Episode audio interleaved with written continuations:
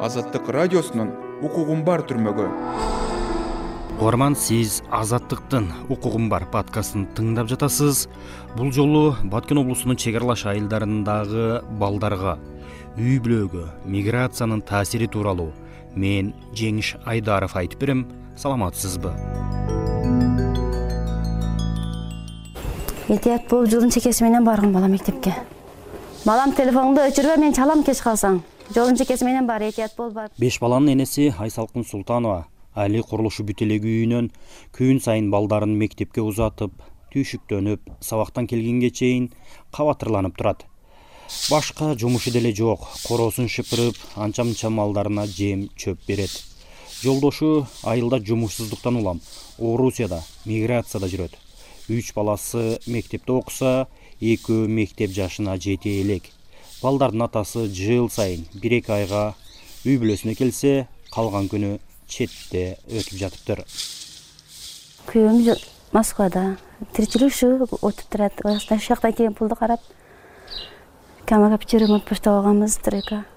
Ошо ошентип отурабыз. Балдар окушту бүткүчө стройка бүтүп алайык эрте балдар окушса дагы кыйналып калабыз деп турат ден соолугу жакшы. Ошонун акчасы менен жашап турабыз. Ушинтип ошо салган пулду ушинтип жеп отурабыз да. Айсалкын турган ак татыр айылы ош исфана жолунун жээгинде жайгашып тажикстан менен чектешип турат.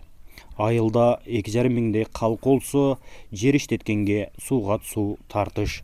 Эгин айдалбай айыл калкы негизинен өрүктүн түшүмүн күтүп мал кармап соода менен алектенишет. Жумушсуздуктан улам айылдын ишке жарамдууларынын дээрлиги миграцияда жүрөт. Ак татыр тажикстан менен чек арада жайгашкандыктан тынымсыз чек арадагы жаңжалдардын күбөсү да болуп турушат. Жаңжал ырбап күчөп кеткенде айылдыктар коопсуз жайга чыгууга аргасыз. Эки миң жыйырма экинчи жылдын сентябрындагы куралдуу жаңжалда да беш баласын алып лейлек районуна барууга мажбур болгон айсалкын атасы мигрант үй бүлө мындайда абалы оорлоп чийдей балдар атасынын жанында жоктугунан сезгенип калышаарын айтат. Биз жыл дайыма эле биринчи урушта эми катыранга кеткен элек тагабыздыкы кечегисиде ошо катыраңда болдук. Кайным келет машинаны айдап ушул жака кеткенбиз семейный баардыгыбыз ылкак болот да балдар саат сайын чалып турат эмне болдуңар эмне койдуңар деп. Кичинемде ушу даңдыңды уктура койбой эле тойго барабыз деп эле алдап чыктым коркуп калбасын деп. Каттелери мени алек олор түшүнүп калган аммасы туруп эле бири документ даярдап бири кийимин даярдап эле ошентип качтык да. Беш жашарымда тойго барабыз деп эле турура калып эле кийимине кийгизип тойго барабыз деп эле барды. Ошо он күн турдук он күн менен үйүмө кетем өзүмдүн үйүм жакшы. Мен десятка барышым керек дейт. Уякта катышуу болуп атат дей албайсың урус болуп атат дей албайсың. Кетебиз кудай кааласа деп эле алдала отурдук да. Коңшулар көбү жок азыр мына эки коңшубуз бишкекте бул коңшубуз өтүп кетип улам кызы менен бишкекке кеткен. Аздайын анан үстүбүздө коңшубуз бар камала бар үстүбүздө ниметтер бар. Ошо же көбү эле бишкекте келе электейин айылда иш жок да эми айылда иш жок да эми ким иштейт кичине мына жетинчи класстагым таза коркуп эме кылып жүрдү. Анан жүрөк биреден көтөргүзүп сразу эме болду. Каттамам кечээ окуш ачылгандан бери барбайм деп бир апта окуштан калды. Окуш ачылган барбай бир аптадан кийин анан эжекейин тым тым болду жөнөтүң балаңызды деген жөнөттүм. Чек арага жакын да мектеп оор болот да балдарга. Ойлонуп эле келип ич кылган колу барбайттар энди эстеринен чыкты саат балдарга эле кыйын болот экен. Бирөөнүн үйүндө жашай албайт экенсиң? Өзүң үйүңдөй болуп отуруп тура албайт экенсиң. Болбосо беш бала менен бөткө батыш кыйын экен кайным экөөбүз келип эшикке сыйыр салып кетебиз балдарды бияка таштап кое алганбыз тыгандыкыда келип сыйырларга кашек салып уяк буягыбызды жабышып көрүшүп кетебиз анан ошентип жүрдүк да. Кечээгидей урушпосо мажбурбуз эми башка бирөөдү тууган урукту чакырабыз эми машинаны айдап бизди ояка баргыла буяка баргыла деп. Бул өзүңөрдүн машинаңарбы ошондой учурда пайдаланасыңар. Даягып койгонсуңар бензин дайыма эле бензини менен. Эми кудай тынчылык болуп кетсе жакшы болот го тынч болсо элге эле жакшы. Чек арада көбүнчө балдарга кыйын болот экен да. Катталар өзүн өзү эптейт экен кичинелерге кыйын болот экен. Элге кыйын да баары бир айланып тегеремки эле элге кыйын. Чек ара айылдарында жумушсуздук күч болгонунан ар бир экинчи үйдө четке жумуштап кеткен мигрант бар. Ага кошумча бул жактагы үй бүлөсүнүн жашоосу жайкын болбой жатышы да кошумча көйгөй чыр тутанган учурда алыстан туруп балдардын коопсуздугун да ойлонуу керек. Чек ара жаңжалдары курал колдонуу менен коштолгондо эң эле аялуу катмар балдар болуп калат. Азаттык радиосунун укугум бар түрмөгү жетинчи класста окуйм жетинчи класста? Апамдар абамдар шаардады анан кийин мен эжем үйдө он үч жаштагы даниэль атасы менен апасы орусияда жумуштап жүргөндүктөн тайэжесинин үйүндө экен. Чек арадагы жаңжалдар катуу таасир берип коопсуз жайга качканда ок атышуулардын үнүн укканда жаман абалга түшөөрүн айтып тынчтык эле болсо экен дейт.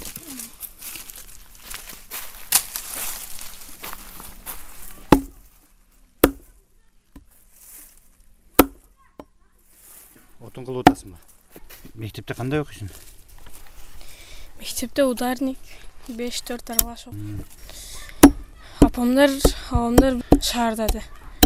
Анан кийин мен эжем үйдө эжемдер менен элем кийин эле эртең менен эшикке чыксак саары менен атыштар даң даң деген эле үндөр чыгып атты анан ушинтип эле чоң атам эме баягы эмелерди көрүп келейин деп сентир жак көрүп келейин эмне болуп атат экен деп эле барып көрүп келди анан кийин ошентип эле айылга качтык. Чоң тайтемдердин кантип качтыңар? Качуусак жол пробка эле экен жык машина. Анан кийин тыгын бензин алдынан өтө албай калдык. Бензин алды жык тыгын экен. Кийин ошентип ошентип кетип атып жарым жолго баргандан кийин ал жактан тагам келди. Тагам келип эми ошого отурсак эле кийин ол дагы кетти анан кийин портер менен качтык да классташтарың баары качыппы классташтарымдын баардыгы качыптыр эмне дейттер эми чек арада болсо? Адамдар эмне деп сүйлөп атышат? Ушу баардыгы эле үйүн күйгүзөтир деп эле. Эме ушу чек ара токтосун эмелер тажиктердин эме атыштыгындары деп эле баардыгы ошентип атат эме атышпай адамдар өлөт да атышпай адамдар тынч жашаган жакшы. Мектепке баргандан кийин сурадык да каяка качтыңар деп ошентип сүйлөшүп эме кылдык. Ошол атыштан кийин кандай ой калды? Кандай үндөр чыккандай угула берет да анан ошентип эле. Үн бүн чыкса бир тырыктасам ушул адамдар коркуп эме болуп калат экенбиз тынч жашоону каалап калат экенбиз ушу тажик жактан үн чыкпаса экен деп эле ошо эме кылып атабыз да. Ошентип ойлоп жашап атабыз. Биякта эмне иш кыласың үйдө? Үйдө мектептен келем кийим кийим чечип чай пай ичип сабак багым кылып ошентип жатам саары менен убакыт туруп мал салды карап отун ботун кыркып чай ичип анан мектепке кетем кайра чырдан кийин балдардын акыл эсин сезимдерин калыбына келтирүү үчүн айыл жерлеринде психологдор да жок. Бул абал мугалимдер үчүн кошумча түйшүк жаратып жатыптыр.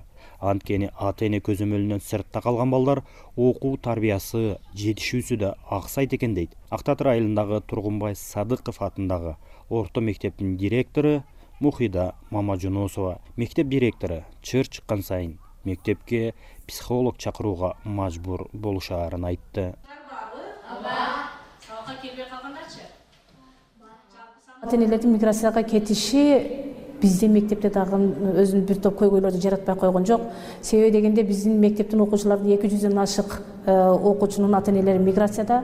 Э, кээ бирөөлөрү чоң ата чоң энесинин колунда кээ бирөөсү э, тагаларынын же болбосо өзүнүн жеңесинин колунда болгон учурлар кездешет булар менен албетте иш алып баруу дагы э, жеңилдикке турбайт. Себеби кандай болбосун бала өзү негизи биринчи ата эненин колунда болгону жакшы. Койгулаңдан баардыгыбызга белгилүү болгондой эми ата энесинин жанындагы балдар эле канчалык азыркы учурда дагы көпчүлүгү кооптонуп э, стрессте анан дагы эле келбей жаткан башка жака неме кылып убактылуу окуп аткандар болуп атат. Ал эми бул мигранттардын балдары бизде неме кылбай койгон жок себеби дегенде сөзсүз түрдө алардан атайын звонок кылып кимдин колунда кайсы жерде жүрөт экен деп биз тынбай байланышта эме кылып турдук? Ушу класс жетекчи менен соц педагогдордун анан э, мигрантта жүргөн ата энелер дагы сөзсүз түрдө эле өтө кооптуу кооптонуп балдары жөнүндө сөзсүз түрдө алар деле кыйналып жатты. Мен айрыкча кечээги учурда аябай катуу неме болду. Бул бир гана окуучулар эле үчүн эмес мугалимдер үчүн дагы.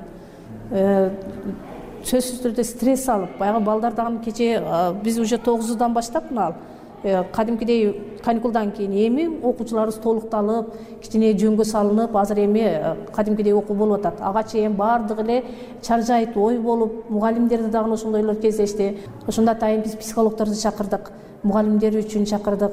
Ошол эле мезгилде окуучулар үчүн атайын ошондой кээ бир биз өзүбүз көзөмөлдөп жүргөн балдарды атайын психологдорго киргиздик. Мигранттардын балдары көп болгон мектепте иш алып баруу да жеңил эмес. Тарбиячы өзүнө жүктөлгөн милдетин аткаруу үчүн мектептен тышкары ар бир баланын үй бүлөсү менен да иштешип көзөмөлдөп туруусу кошумча милдет катары кабылданып калган. Анткени атасы же апасы арада экөөсү да четке кеткен үй бүлө балдары тарбиялык жактан аксап тыкыр көзөмөлдө болушу шарт. Анан да чек аралаш аймак болгондуктан үйгө барып келүүдө кокустук чыр чыккан учурларда коопсуздуктарды да эске алыш зарыл болот дейт. Мектептин мугалими тажгүл эшбаева качкач мезгилинде көптөн көп он алты он жети жаштагы балдарды ата энелери үй кароолук кылып таштап кетип кетет. Анда мисалы үчүн аялдарды жаш балдарды чыгарган мезгилде эркек балдарды үйүнө сөзсүз бирден бирден таштап кетет. Мисалы үчүн кечээ болгон кырдаалда менин классымда бир окуучуну ушинтип ата энеси үй кароолук кылып таштап кетиптир анан байланышсак үйдө эч ким жок болгон үчүн ошону таштадык дейт эми демек бул үйдөгү атанын эркек ата ролду аткарган адамдын ролу жок болгондуктан айласыздан таштап кеткендик болуп атат андан кийин калгандан кийин ким анын коопсуздугуна жооп берет ким анын такыр көзөмөлдөйт себеп дегенде бизге ушундай ушундай деп жеткизген мезгилде балдарды биз толук кандуу көзөмөлдөй албайбыз даже өзүбүздүн сыйма азгараң жетебиз да ошол мезгилде. Демек бул мындай көңүл кош мамилеликте балдар ошол нерсени көрүп көп өзүнө жаман нерселерди алып атат бала уже коркок болуп калат. Э, жакындаган сайын кичине шум болсо дагы эчке деп байкалган үндөрдү укса сразу бизге кабар берет. Мисалы үчүн эчке ушундай болуп атат дейт. Мен азыр балдарга мисалы үчүн мектепте өзүмдүн клубдун балдары фейк жана чын маалыматты тактаганга үйрөтүп атат. Биз основной ушул мигранттын балдарын камтыганга аракет кылып атабыз анан э, негизи мигранттын балдары көптөн көп телефондон көргөн нерсесини анан ошол чек ара мезгилинде фейк маалыматка көп алаксып көп стресске түшүп калат. Расмий маалыматта кыргызстандан бир миллион эки жүз миң жаран четке мигрант болуп кеткени айтылган баткен облусунан расмий кат алып четке кеткендер жыйырма жети миң адам болсо эч кандай каттоого турбаган мигранттар жүз миңден ашаары айтылып жүрөт. Баткен облусу боюнча он бир миңден ашык бала ата энеси миграцияда жүргөнү аныкталган. Угарман сиз азаттыктын укугум бар. Подкастын тыңдадыңыз. Бүгүн биз баткен облусунун чек аралаш айылдарындагы балдарга үй бүлөгө миграциянын таасири тууралуу айтып бердик. Сиздер менен мен жеңиш айдаров болдум. Азаттык радиосунун укугум бар түрмөгү